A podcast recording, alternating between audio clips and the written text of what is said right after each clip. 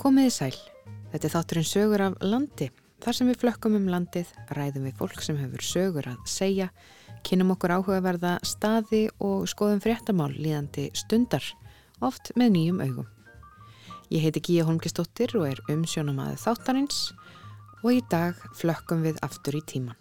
Við endurflytjum efni frá árinu 2020 þar sem rætt var við Ólafíu Herborgu Jóhannsdóttur um sögu ömmu hennar og tilraunir afa hennar til að ná tögaranum Klein Kastul á flót.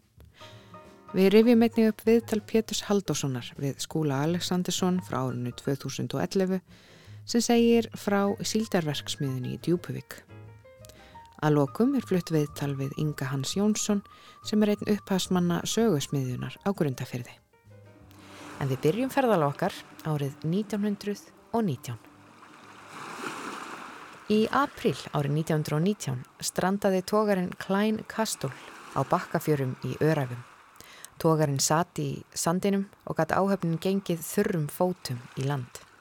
Þetta virtist vera auðvelt skipbrott en ekkert reyndist auðvelt fyrir þá sem keiftu tógarann í sandinum og réðust í það stórvirki að komunum á flott.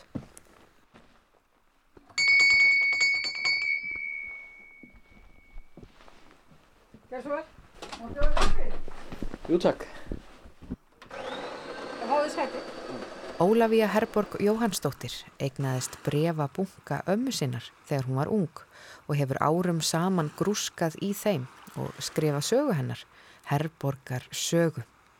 Þá hefur hún sapnað heimildum um tilraunir afasíns Valdórs Bóassonar til að ná Klein Kastul á flott en þar koma við sögu aðrir skipskaðar og mannskverf. Þegar ég er 15-16 ára gömul þá er föður amma mín, Herborg Jónasdóttir, sem ég heiti í höfuð á, hún er að taka sér til til vetrutvala hjá sinni sínum sem bjó í Keflavík. Og hún er fyrir eitthvað svona veltaði svona bunga fyrir sér og segir svona, já, ég veit ekki svo sem hvað ég ætti að gera við þetta. Og þá var ég bara eitthvað hvað þú segir sem má ég ekki breyga þau. Og hún segir þá, já, ef þú getur orðið svona manneska til að varvita þau og ég tók þetta einhvern veginn svo rosalega hátilega að ég var alltaf, gemdi alltaf þennan bunga en skoðaði hann ekkert voða mikið. En ég sá að þetta var sem sé bref frá hennar börnum til hennar og ég hérna sem betur fyrir tók hann með mig því ég fór að búa kringu 70 og það bjargaði hann frá því að brenna á svona öllum eigum fóröldra minna 72 þegar branna á þróndastöðum. Og eins líka aflæði ég með heimilda um sögu Valdós afa míns sem að ég hafði ekkert allar beint að skrifa um en hann einhvern veginn, já við skulum bara segja hann að tróði sér inn í þetta mál. Þessi þau, hún og Valdór voru bræðraböld, hann var rætt af frá stöðlum í Reðafyrði og hún var þessi dóttir Jónasa Pétur sem var bjóða hlýðarinn til Breital. Og þrátt fyrir fjöll og fyrnindi þá gáttu þau heist og urðu afsangjun og byrjuði að búa eiga börn. Og það má kannski segja að það sé stór örlagavaldur í lífi ömmuðinur og afa uh, þessi tógari, Klein Kastul. Getur þú sagt okkur frá þessu skipi? Já, já, ég þarf fyrst að samt að segja pínlítið sko, afi var mjög fattís og það var þótti duglegur og allt þau sískinu frá stöðlum en hann stundu kannski, uh, ég held að hann ekki rekna alltaf málið um, dæmi til enda en að gert alltaf vonur um að allt myndi takast vel og allt myndi enda vel. Það var mjög björnsitt og glæðvindur maður og trúð á forsjóna og Guð og það strandaði tóri 17. april 1919 á stað sem heitir Bakkafjörur, hann er beint framundan kvískerum í örum þar sem þú keiri framhjá þau og keiri þjófið nr. 1 Suðurlandirum og þessi tóri strandaði til þess að gera nýr, hann var einingust tveggjara gammal og mennirni sluppa allir lifandi og tógarinn liggur hann bara í mjúkum sandinum óskemdur að mestu leiti. Og þetta var svona auðveldur sjávarháski getur við sagt, það voru góðið aðstæður hann. Já, þeir gáttu bara að lappa þurrum fótum í land og það var reynd að bjargonu strax, þá kom þetta varskip sem heiti Geir, eða hétt Geir og þeir gáðust upp og þá var eiginlega skipstjórun hann bara ákvaði að það var ekki bara þýðingalega stæmi og, og þeir fóru bara. Og þannig lág hann fullur af fiski Jóhann Hansen með sína miklu þekkingu í tóbröðum og öllu skiparsmíði fær valdur af að liðs með sér og þeir eru taldir kaupendur. Þetta er sem eins og ég segi sem sumarið 1919 En einna aðalmannuna sem þeir hugsuðu með sér til hjálpar, það var Gísur Filibursson og hann, týnist hann að vetralagi á Seðisfjörðu 21 og þá var hann nefnilega að taka sér til til að fara og gera eitthvað fyrir tóðarum. Hvernig gerist það að Gissur týnist? Það veit enginn, hann var að vinna í velsmiður á Seðisfjörði en bjóð út á Vestaseri sem er hinn með fjörðin og hann fer bara eitt kvöldi heim úr vinnunni til síns heima en kemur svo ekkert fram og báturinn finnst bara brotin í fjörunni þegar aði gáð en hann hefur aldrei, hefur aldrei fundist tangunni tettur á honum. En þetta var til þess að ykkur að tafir urðu á framkvöndu við skipið. Þá svo kemur líka upp annað sem hafði heilmikið áhrif á Valdur og mína fjölskyldu þar með sem sér ömmu og hennar börn að hann átti velbátt sem hétt Jenny og hún var ætlu til að vera svona eins og snattari fyrir verkefnið. Flutti vistir og menn frá hotnafyrið í bakkafjöru. Og það var áður en Gissur deyr. Þegar þá hann að byggðu Gissurinn einn ein, ein daginn um að hvort hann geti fengið lánaða bátinn til að skuttla sér yfir vötnin eins og hann segir til að hann kemist í land. Og afi lána sína Jenny og með áhöfn sem voru þrý menn og þeir flytja Gissur og Gissur kemst í land og Uh, hans saga er eiginlega bara svo, hann fær svo til Reykjavíkur og hitti sína fjölskyttu en svo gerir smart döluföll, Jenny hún hérna báturinn hverfur og menniti með. En svo löngu löngu segna þá komaði fram út í húl. Þá hefur þeir hérna verið tekninu borðið tógara og hann var ekki með ólju eða kól held ég til að sigla neitt með þá til, til að setja það í land heldur og sýndi bara beint út með þá það virtist ekki að það veri góð talsímasambönd eða einhver skeitasambönd því að það, þeir láta ekkert heyra frá sér. Þeir eru að koma þarna fram mjög lengur setna eða? Sko, mér hefur ekki tekist að afla heimilda um raunlega hversu langu tími, sumi segja margja mánuður, sumi segja upp yfir hálfa mánuð, en það er raunlega allar heimildir stangast á við þar sem maður er að finna næst, en þeir koma svo fram, en það er samt sem ábúið að halda minningarættum á reyðafyrði, þeir eru taldir af. Og eitt svonur Jóns Átnarssona sem var formadur á Jenny, hann er skýrður með þessu í höfuð á hann, hann þó hann talið láttum en svo komaði fram og það er hérna þá eru þið bara kostara ríkinu til landsins. Og ég er með reikning fyrir fargjaldinu? Þannig að það má segja að þessi tógari Klein Kastól sé orðið mikið svona örlaga skip þó það leiki bara þarna í sandinum. Já, en svo náttúrulega líka gerist það hann að Valdur Afi, hann hann er með þessa Jenny sem sitt atvinnutækifæri, hann hann flutti fisk frá öllum fjörðunum hérna frá austan og sapnaði saman á einn stað til að flytja það elendis en þar með þarna þegar hann týnir, Jenny týnist þá hefur hann alltaf ekkert í höndunum til að standa við sína skuldbindingar. Og tapar hann hann upp yfir 16.000 og ég er búin að sjá þess að, bestastæðir voru til sölu á þeim tíma fyrir svipa verkildi svo það lítur hafa verið svolítið mikið peningur. En svo finnst þessi Jenny og kemur fram ímislegt sem að ég hef ekki getað grafist alveg nógur fyrir en þeir segja menniti sem fóru til húl að þeirra voruð yfirgefa skipi vegna þess að hann hafi verið bara stýrishúsu hafi verið brotna, brotið af og skipið sé að sökva og, og þeim hafi bara verið það til lífs að síldi tóri fram á og það bergaði um borð. En svo finnst Jenny strönduð á fossfjöru sem er beint framöndan fossi á síðu og þegar hún finnst um varpin sandi þá er hún bara alveg strá heil en með spotta aftan í sig sem hann virtist að veri bundin við eitthvað faratæki, jafnveg tóra og hafi verið skórið á. Menninir sem, sem voru tveir pluss formadurinn, þeir bera það fyrir í sjóprófi þegar þau koma svo til landsins að þeir hafi orðið bara að berga lífisunum með því að fara um borðið tóran og segja ímislegt um ástandan sem að stennst ekki svo þegar Jenny finnst.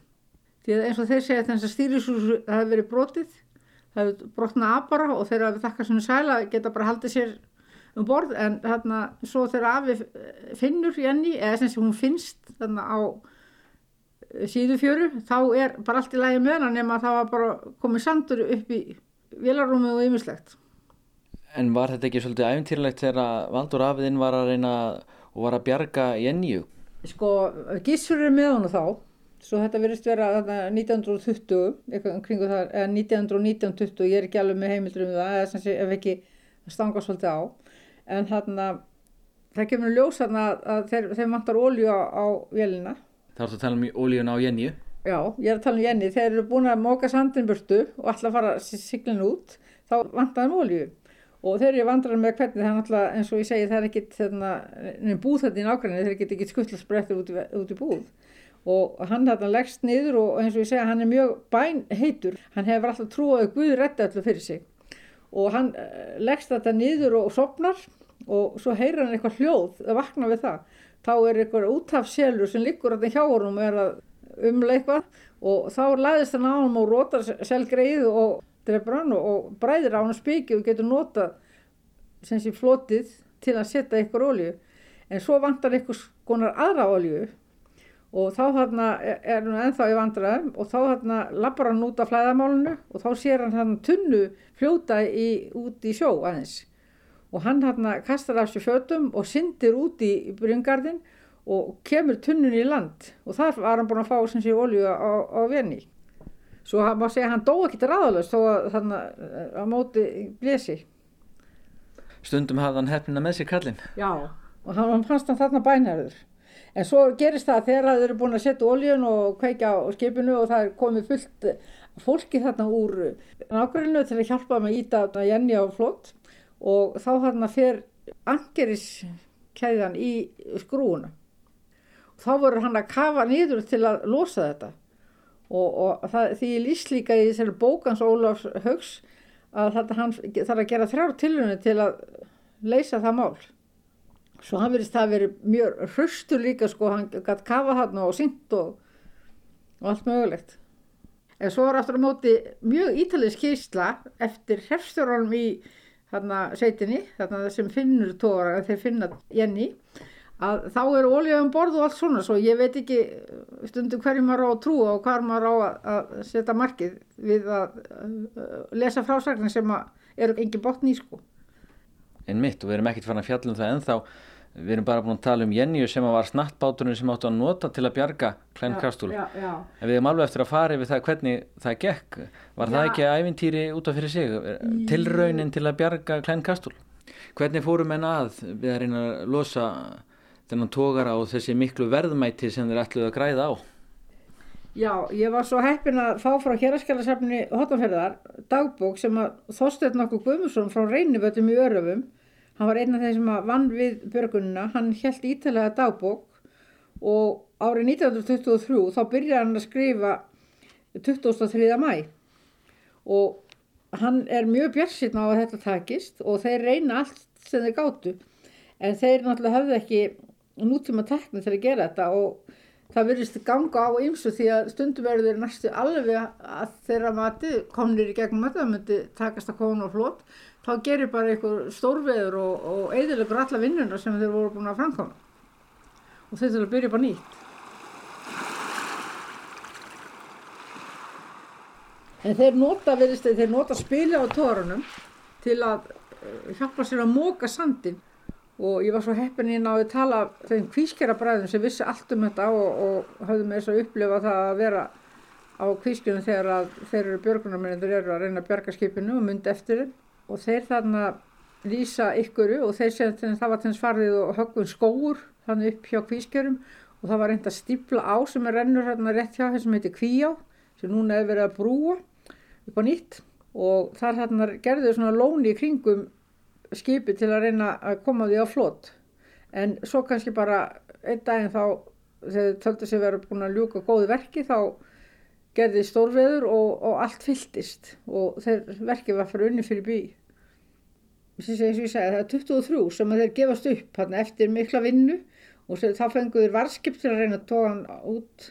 En það misust ykkar og mér er tjáð það að það raunlega hafi ekki verið notur rétt vinnubröð en allavega sko 14. ágúst 1923 þá hverjast eh, þeir allir og þeir sem að eh, hafðu unni viðskipi þeir fara hérna austur en það eru tveir menn sem verða eftir til að taka allt vermætt úr tórun við þetta verður valdur afi gæltróta mér finnst það sorglegt að lesa um það að, að tveim vikum eftir hann deyr að þá hann er haldið uppbóðu öllum eigum hans og þá er amma og hennar, öll börnin flutt í burtu yfir á sómastæði gerði sem er núna komið í, í undir álveðið held ég eða eitthvað þar í kring. Og það er samt haldið uppbóðu öllum eigum þeirra. Bollapör, nývapör og mér er að segja kápaninnar, mér finnst það sko bara með við nútíma, ekki myndi ég setja mig það núna, kápa mín er í tekið þó að maðurinn minn er í gæltróta, ég myndi bara halda mín í kápu. En það er allt bara bóðu upp. Og mér er að segja elsti sónu þeirra, hann er þá Jónas, hann er þá 18 ára og samtið tekið var samkvæmt lögum að það mátti hann ekki bjóða í eigunar til að reyna að halda þeim í fjölskyttunni. Sískinni Valdós og aðri sem voru tengdið þeim þeir verðast það bóðið í eins og hluti sem ég hef trúum að hafi komið sér svo aftur sko til, í heimilið. Því að amma átti ímislegt eftir sitt bú en ég man eftir borði og stólum og svona ímislegt þegar hún flytur svo aftur, hún flytur svo frá Somarstækjaði upp í Dalhús og svo þaðan upp í Þrandastæði. Þannig að það hefur verið mjög sársökafullt að verða gæltróta á þessum tíma? Já, með, með mannin rétt nýg eh, valla búið að grafa hann sko. En svo er eitt samt sem ég vil halda til haga um skaparni eða sem sé, góð sé, hugrekki og dugna hjá ammi minni. Að ykkurum ástæðum þá hérna flyttu Valdur afi ekki með fjölskyttunni yfir í sumastækgerði þó hann sé komin hérna á reyðafjörð og hann sérst að í ykkurum kofa út á hrúteri sem hann uh, hafði átt heima í. En það, þeir, þau mistu það saman. En er hann hérna, sköffuð ykkur sjálfsagt að vegum bæjarins eitthvað svolítið ung að því er sagt umkumuleg stúlka. Og hann batnar hana. Og það bat fæðist nokkur mánuðum eftir hann deyr. Og herbogama mín hún tekur þessa stúlku og batnið inn á sitt heimili. Þó að hún sé að sé sem sé bassmóður fyrir vandi mannsinsins það myndi ekki allir gera það núna sko. En amma átti líka mjög diggan vinn, eða þessi stuðnís, hann var alltaf, pappi kallaði hjálparhelluna. Það var maður sem að hétt Þorlefur Þorðarsson, kom vestan á Snæfellsnesi sem sjómaði til að róa út í Breiðuvík, út með Eskifyrði og hann eitthvað á vegum af að hann endar sem vinnumæður á hrúteri hjá þeim Herborgu og Valdóri. Og ég veit ekki hvernig þeirra líf hefur þróast en allavega fylgir hann, henn ömmu eftir það meðan hann liði og þau, við köllum hann alltaf bara leifa. Hann var ekki kallar af en hann var mér, ég man eftir hann sem sexuára krekki og þá var hann bara mjög góður afi við okkur sko Og núna sjáum við þarna í sandinum menjar um þessi örlög og þessi atbyrði Sko Tórin Klænkostur, hann er bara líkað hann í rúmlega 100 ár og ég varði einhvern veginn hugtekinn að þessu æmyndir í afamins en svo árið 2005 þá kemur þetta einhvern veginn upp í ættinni og við ákvæmum að halda ættamót þarna á svipum stað, er rétt á Hofgar í Öröfum. Þá stóð skipið talsvett upp úr sandunum og var mjög sjáhanlegt en viðgöðunni virðist ekki alltaf því að vera þarna því að það er búið að brotna mjög mikið nýður en eitt sem er mér svolítið dölafullt að það var spilum borðið tóran sem þeir nota meðal annars við björgununa þegar við byrjum að skoða tóran hann að 2005 þá sérst spili valla en tóran stendur stefni stendur þar svo upp á sandinum. Og stefnisekkur eða brotna niður en spilið einhvern veginn dúkar upp og svo það er endað með því að þegar ég fæ styrk frá kvískerðarsjóði um að setja skildi til minningar um þetta strand þá er hérna spilið komið meira upp. Endað með að núna síðastliðin september þá fluttu við spilið úr tóranum ástandstað upp að skildunum svo að fólk getur séð spilið. Og þú vilt endilega halda á lofti þessari minningu um uh, afaðinu ömmu og, og, og þeirra örlög og sem að tengjast þarna þessum tókara Klein Karstól sem liggur í sandinum. Sko með að við hann að tækifæri sem við höfum núna með síma og tekni og allt það finnst mér aðdánavert hvað fólk lagði á sig að gera hlutina eða held að það myndist takast. Takk kærlega fyrir að segja okkur þessa sögu Ólafið Herborg Jóhannsdóttir. Gerða þakkir. Já, takk fyrir að hlusta á mig.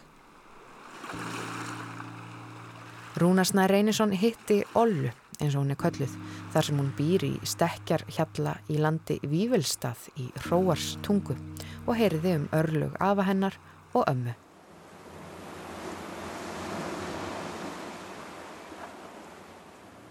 En við höldum áfram í sögum af landi og við höldum okkur við sjávar síðuna.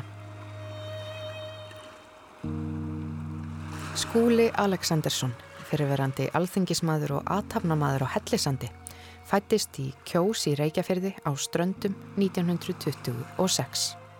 Kjós er nú í Eyði en stóð skamt innan við Djúpavík, þar sem síldar verksmiðan fræga stendur. Skúli lést árið 2015. Hann myndi lífið sem fyldi þegar verksmiðan reysi í Djúbuvík og þegar hún var starfandi. Hann sagði frá þessu í söð-austan Kalda í sjómanagarðinum í Hellisandi. Það var Pétur Haldorsson sem rætti við skúla í þættinum við sjávarsíðuna og var viðtalinu útvarpað í desember 2011. Svo kynist þú æfintýrinu í Djúpavík? Ja, hvort segir þú Djúpavík eða Djúbuvík? Djúbuvík. Djúbuvík, já. já. Já, já, ég man sennilega eftir því þegar að, að, að fyrstu menninni komið til þess að mæla fyrir Bryggjónum. Komu veturinn, veturinn e, 34 já. á gamla ægir, varðskipinu.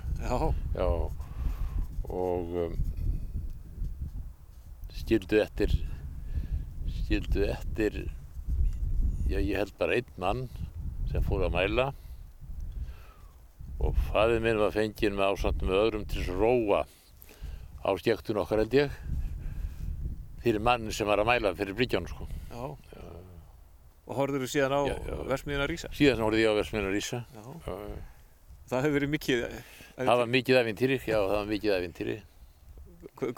Þarna hefur gríðarlega steipa? Gríðarlega, já og sko öll, öll steipa var sókt inn á svo kallan kjósasand sem er inn í botni fjörðarins og það var kyrt fram hjá bænum í kjós og uh, við strákarnir fengur náttúrulega undir eins að fá að fara með þessum undra tækjum sem þarna komu. Já, sitja í bílónum Já, sitja í bílónum og voru miklu vinir bílstjóranar sem voru alltaf tilbúinir að gera hvað sem var fyrir okkur ef við báðum um og, og fara með, já, já. Ekkert leiðir að hafa stráklinga nei, nei, nei, nei, nei, fengum að vera með þeim. og þarna voru sömumennir allt sömarið inn á kjósasandi að móka sandi upp á bíla sko, með skoblu. Ég held að það hafi verið fjórir sko sem að voru þarna, mókuð öllum sandinu sem fór í versmiðuna.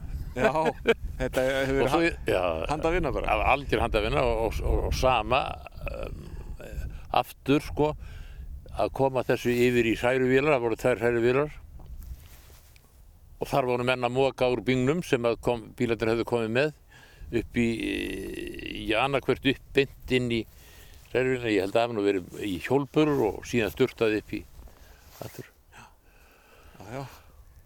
Þetta var aldjört æfintýr að fylgjast með þessu sko og svo náttúrulega þessum ósköpum þegar þetta fór allt saman í gang.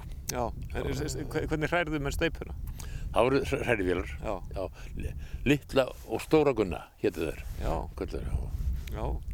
Það var eitthvað í sambandi við þær ágjötu konur sem voru þarna aðstóða við að halda þrifum og, og, og, og gefa þessu liði mat. Já.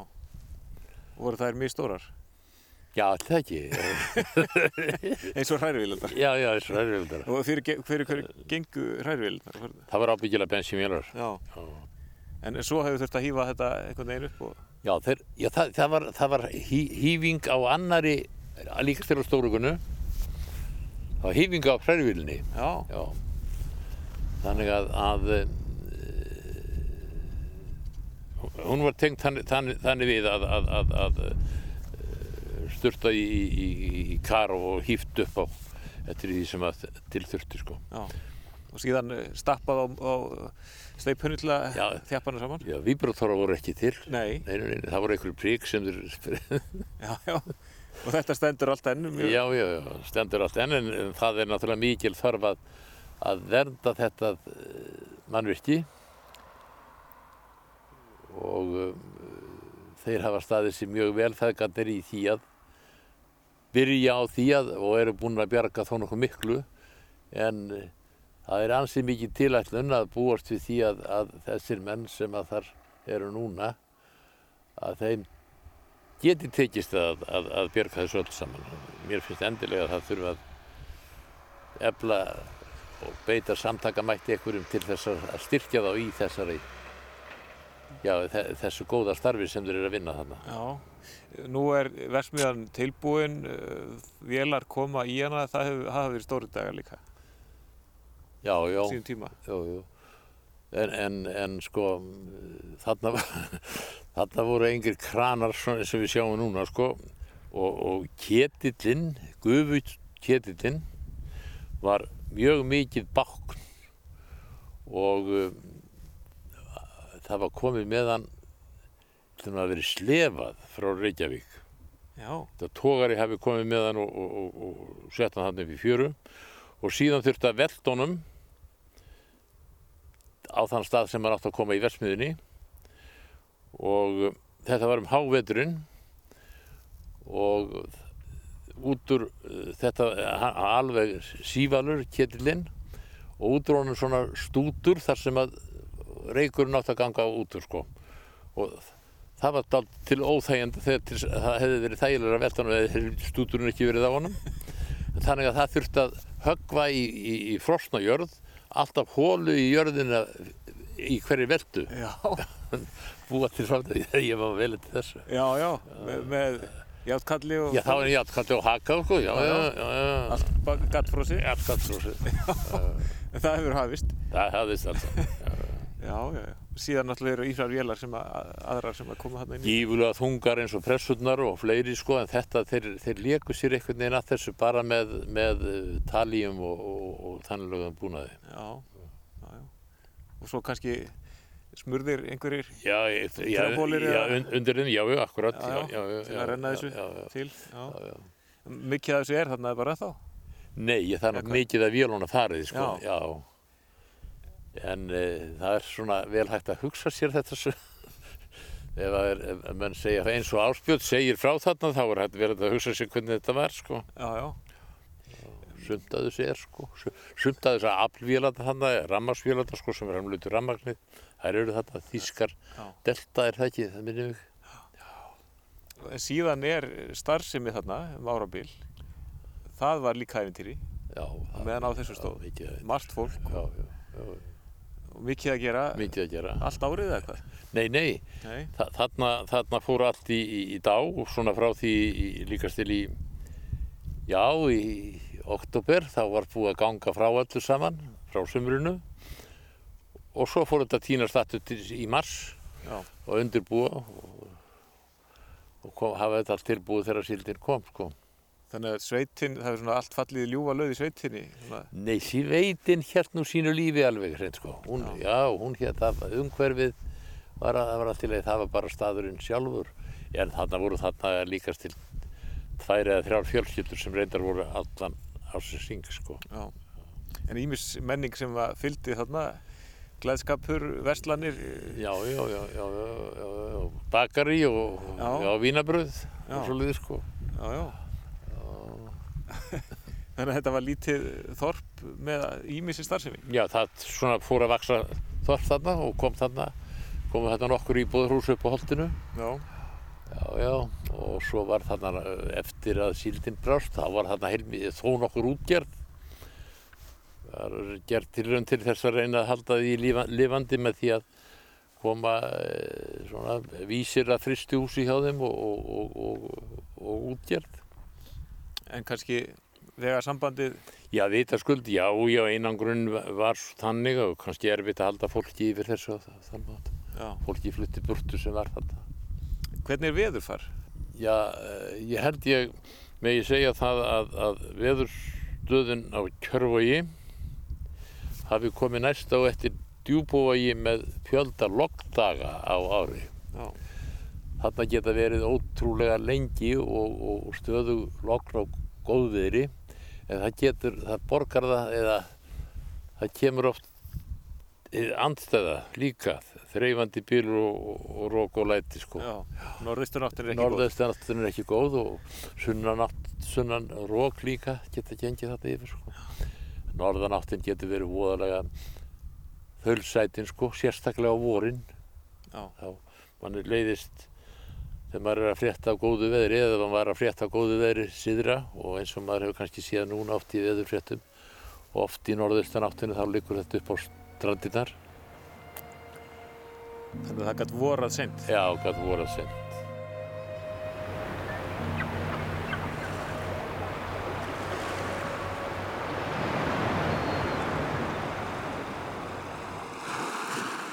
Þarna heyrðum við samtal Péturs Haldóssonar og Skúla Aleksanderssonar um síldarverksmiðina í Djúbavík en viðtalinu var fyrst útvarpað í desember 2011.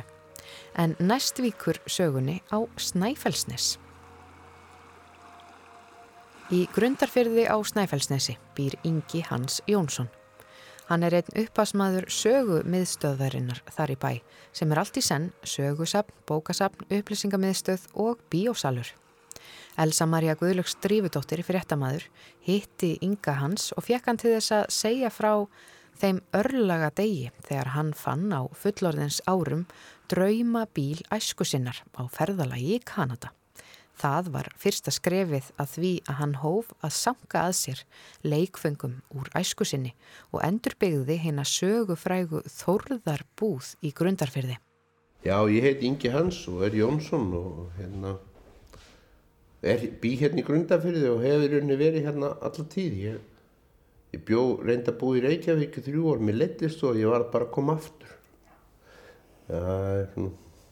Já, já, og ég gerir bara það sem ég langar til það er eiginlega besta svarið við því hvað maður gerir. Og uh, ég er bara heppin með það. Ég er svolítið vera svolítið frjáls.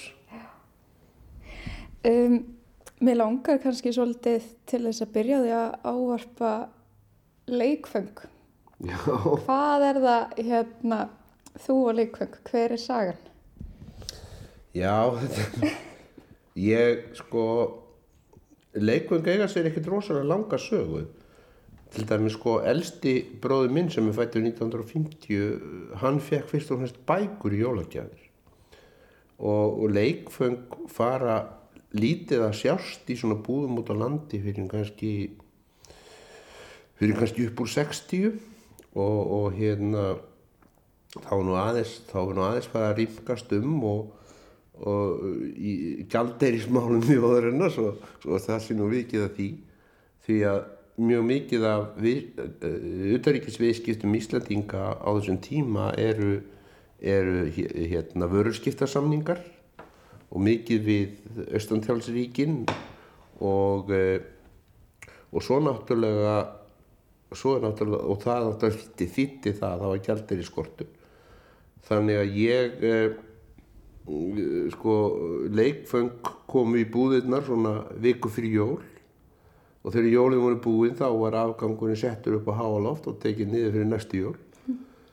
Þannig að það voru svo mikið leikfangabúðir en, en hérna ég egnaðist uh, ég var heppin, pappi minn var sjómaður og var mikið regla á mínu heimili og, og fengum alltaf goða gefir og, og hérna, þannig ég átti þetta alltaf að dóti þegar ég var eitt sem stattur út í Kanada og sá þá bílinn sem ég hafði þráð að eignast þegar ég var 6 eða 7 ára gammal sem hafði verið í Þórðabúð og ég kifti hann þá og, og eh, gerðist þá eiginlega alveg sjálfkrafa svona leikongasafnari og, og hétt mér því að, að byggja aftur Þórðarbúð. Þórðarbúð var rosalega merkilegt fyrirbríði. Það var svona uh, á þessum árum þá er að verða til á Íslandi svona sjöppumenning.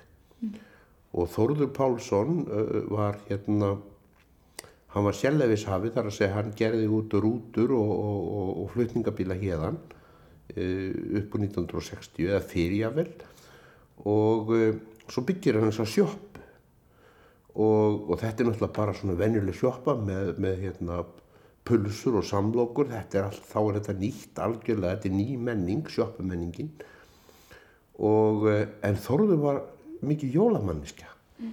og hafði gaman að öllu sem snýra jólum og, og svo hérna uh, svona á jólaföstunni þá er hann búin að vera sangaði sér alls konar jólavarningi og sumt af þessu koma svartamarkaði og er kift af tóðara sjómunnum eða starfsmunnum og keflaði eitthvað flugvelli hjá kananum og allt þetta þessu og ég kemst að því að þetta er bara mjög áhugaverð tími og ég fer að sapna þessu og, og svona sem kannski dæmi um tíman að sko Barbie hún verið til 1958 uh, sem sagt Barbie er í rauninni í vinsalasta leikvang allra tíma þó reyndar legoköpurinn sé, sé sem hafi verið valin leikvang síðustu aldar. Mm -hmm. og ég fer að sapna leikfengum sem að til er að æsku minni það er að segja leikfeng sem að verða til uh, á þessum tíma millir svona 60 og 70 og uh, stundum hefum þurft að hafa svolítið fyrir þessu og það tók mér til dæmis 16 ár. Uh, það var áður en ég byrjaði að sapna en ég þurfti að eignast rúsnenskan kranabíl eins og ég átti hugastrákur og hafði eiðilagt hann náttúrulega sem krakki. Og ég vildi eignast hann aftur. Og, og hérna, ég fór mér til Pétursborgar að reyna að finna hann þar fór á skran, alla skranmarkaði sem tilbúið í Pétursborg til þess að finna kranabílið minn. En svo endaði ég á að finna hann hjá hann í Krisbjörg og Akranissi Nei, það var hann bara þar. Já, og uh, og ég sagt, lagaði hann, tók hann allan í gegn og, og uh, mér finnst bara sko það eru margir nánast allir sapna einhverju. Þetta er alltaf spurning um hvað mörgum það setur sér og ég, þetta er svona til dælu einfalt hjá mér, ég hérna ég sapna bara leikvöngum sem ég þekki, sem ég hef séð. Já. og uh, Þannig að þetta er hansi persónulegt sapn Já, það er það. Já. það er það og, og hérna og svo er ég svo heppin að ég, ég á sýstir sem er eiliti yngri en ég sem fór ægilega vel með dótið sitt og á allt dótið sitt nema kannski það sem að bræður er neðilega fyrir henni og, og hérna þannig að hún hefur reynst mér alveg afskaplega vel í þessu en hérna já já þetta er bara En getur við kannski þessi örlagaríki bíl sem þú fannst í Kanada, getur við hans líst honum hvers konar bíl er þetta? Já ég sko það var þannig að, að hérna 1960, ég held að hafa virðulega verið 61 eða 62 að þá var pappi minn að setja upp jólastjörnuna á, á, á húsið okkar sem var nú ekki algengt að menna verið að gera á þessum tíma á viku fyrir jól. Og þá beður Þóruður Kaupmaður hann að koma hvort hann geti kíkt á sig aðeins um kvöldið og pappi fyrir niðrætti til hans og, og þegar pappi kemur heim þá segir hann við mig falur og sofa yngi minn sem vaknaði snemma því þú eru að sjá svolítið hann var aldrei séð áður nýri Þórðarbúr og þá var þetta til síðs að það var límt umbúðapappir fyrir gluggana. Og meðan að jólavarninginu var stilt upp og svo var þetta bara svona afhjúpað. Og þá stóðum við krakkarnir fyrir framann og byðum mjög ofvægni eftir því hvað væri þetta og ég fer hann um morgunin og þá er jafnur þetta lest gengur ring eftir ring í gluggan pappi minn hafi verið að saga úr götin til þess að hún kemist út í gluggan og, og, og svona ring en þar var líka þessi stórkoslegi kappastu spýt með jólasvein í. Þetta er mér að segja rauður ferrar í og ég bara varða eignast hann. En uh, það liðu það leiðnar í hálfu öll þángar til ég sá hann aftur uh, í, í útkverfi í Montreal í Kanada og ég varða að kaupa hann. Og þá er í raunin ákvörðin tekin um það að, að, að endurbyggja þóðabúð Og þú endurbyggir þórabúð, hvar og hvernig gerist það? Ég sko, hérna í sögumiðstöðinni í Grundafjörði þá settum við okkur svona ákveði markmið hvaða sögu ætlum við að segja og þegar við sagt, svona horfum í kringum okkur og, og svona vorum að ger, reyna að gera okkur inn fyrir svona sapnastefnunni á svæðinu þá sjáum við það að uh, stórkostleg söfn sem að bæði eru í Stikkisólmi í, í húsi Átnartóla síðusar og svo, síðan sjómanagarðurinn á Hellisandi sem er orðin stórgóðslega fallegt sapn og eins í Pakkusun Jólasvík það er í rauninni engin að segja frá sko uh, frá 1900 og til nútímans. Já. Þannig að uh, við ákvaðum að búa til síningu sem að heitir í rauninni hvernig var nútíminn til. Og byrjunapunkturinn er í rauninni þegar að velbátarnir koma og við erum varveitum þannig að gamlan velbát og endapunkturinn er í rauninni þegar leikföngin koma.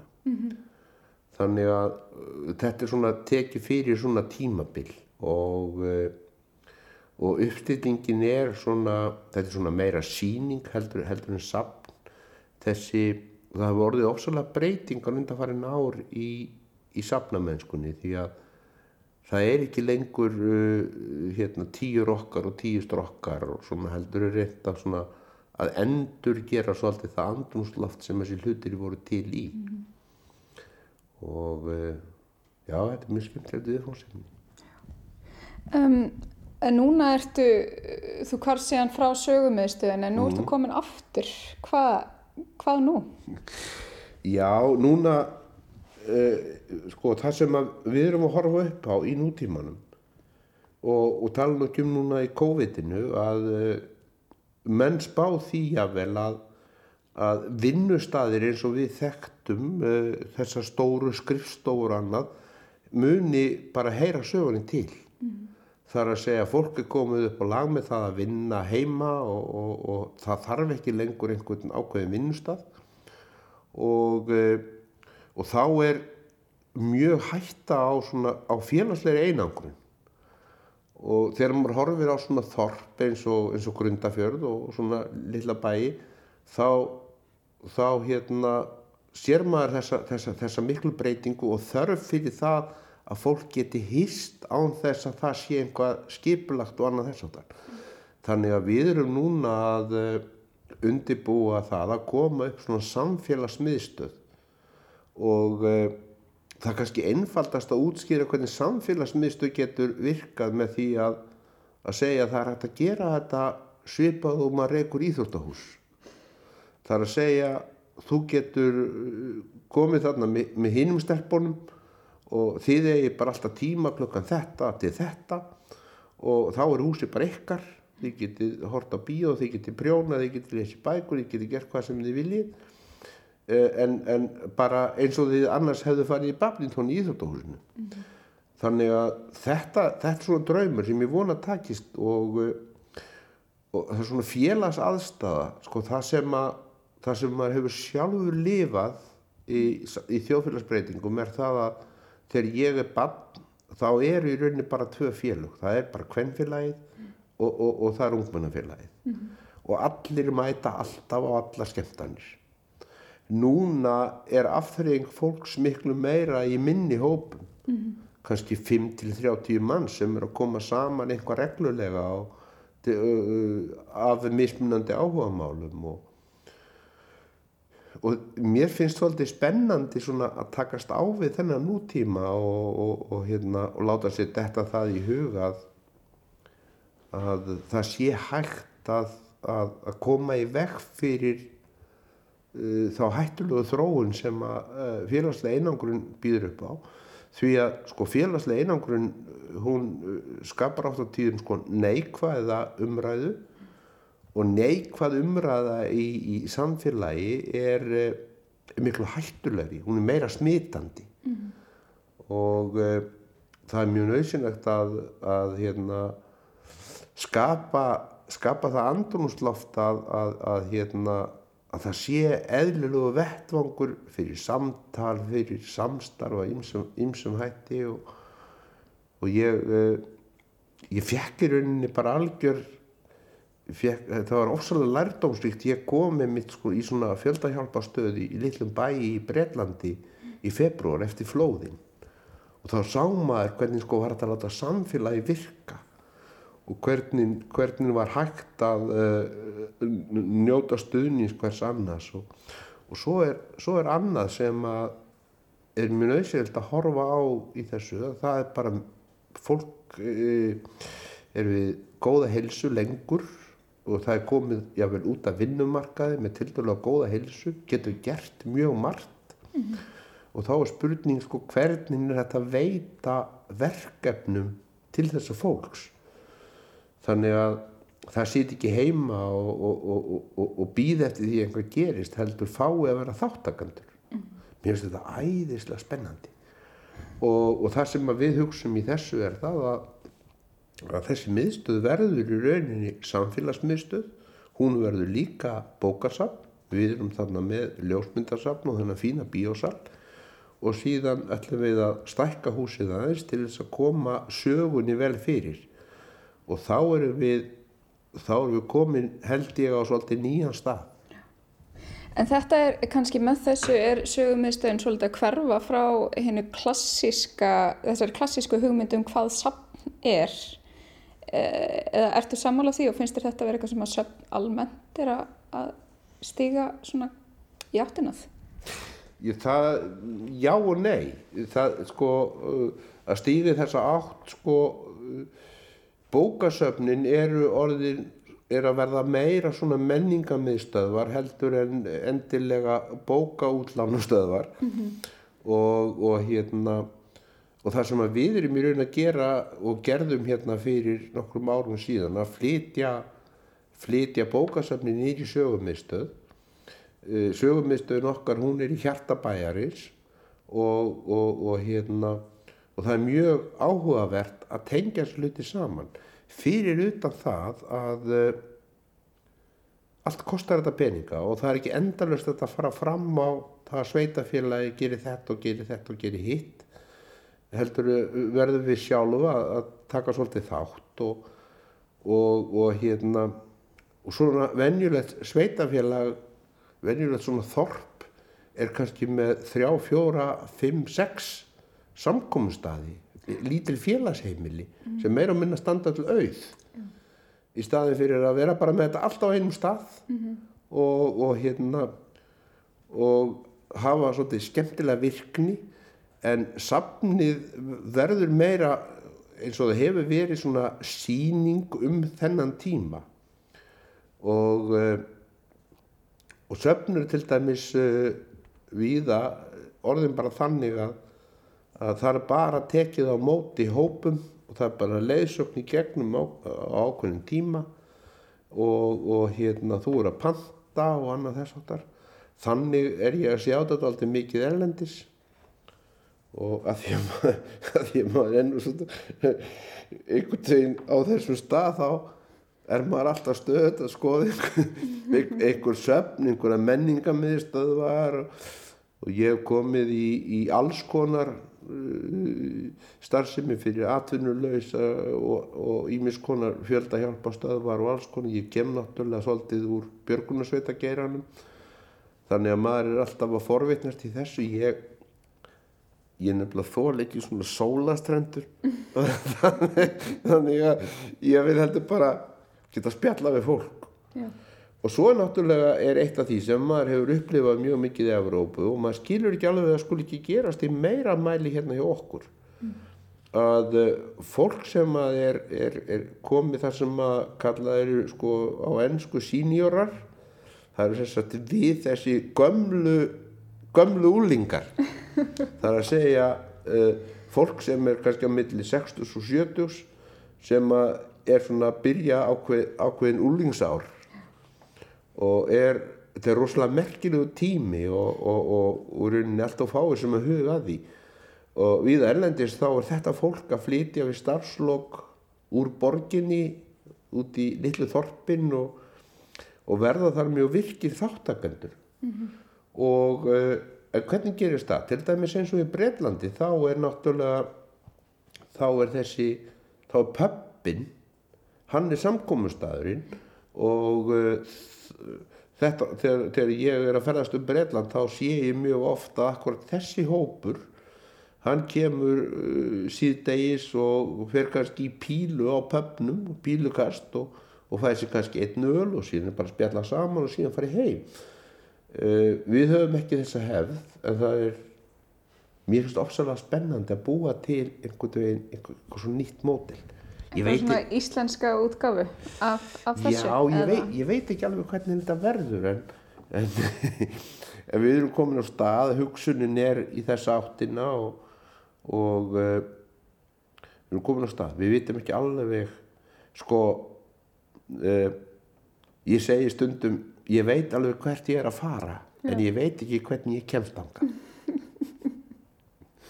En er það ekki líka bara svolítið að treysta því hvernig samfélagið tekur þessu innleggi? Jú, jú, jú. Það, það náttúrulega er rosalega spennandi finnst mér að, að, að hérna uh, samfélagi sko uh, allstaðar núna í þessu COVID þá, þá sér maður sko þrá. Sé, og finnur sjálfum sér þrá eftir því að koma saman þrá eftir því að tilla sér niður með öðrum og þrá eftir því að rekast á þessa og hinna og svona sko og, og ég held að sé uh, rosalega gaman að hugsa þetta að gera þetta svona eitthvað aðeins öðruvísi heldur þetta var segja bara já ok, nú er, nú er tíminn til að byrja upp á nýtt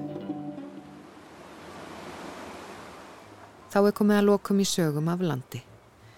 Við endurfluttum efni frá 2020 þar sem rætt var við Ólafíu Herborgu Jóhannsdóttur og Inga Hans Jónsson. Að auki var endurflutt viðtal frá 2011 við skúla Aleksandinsson. Við verðum hér aftur í næstu viku með glænýjar sögur af landi og þakkum þeim sem hlýtu lifið heil.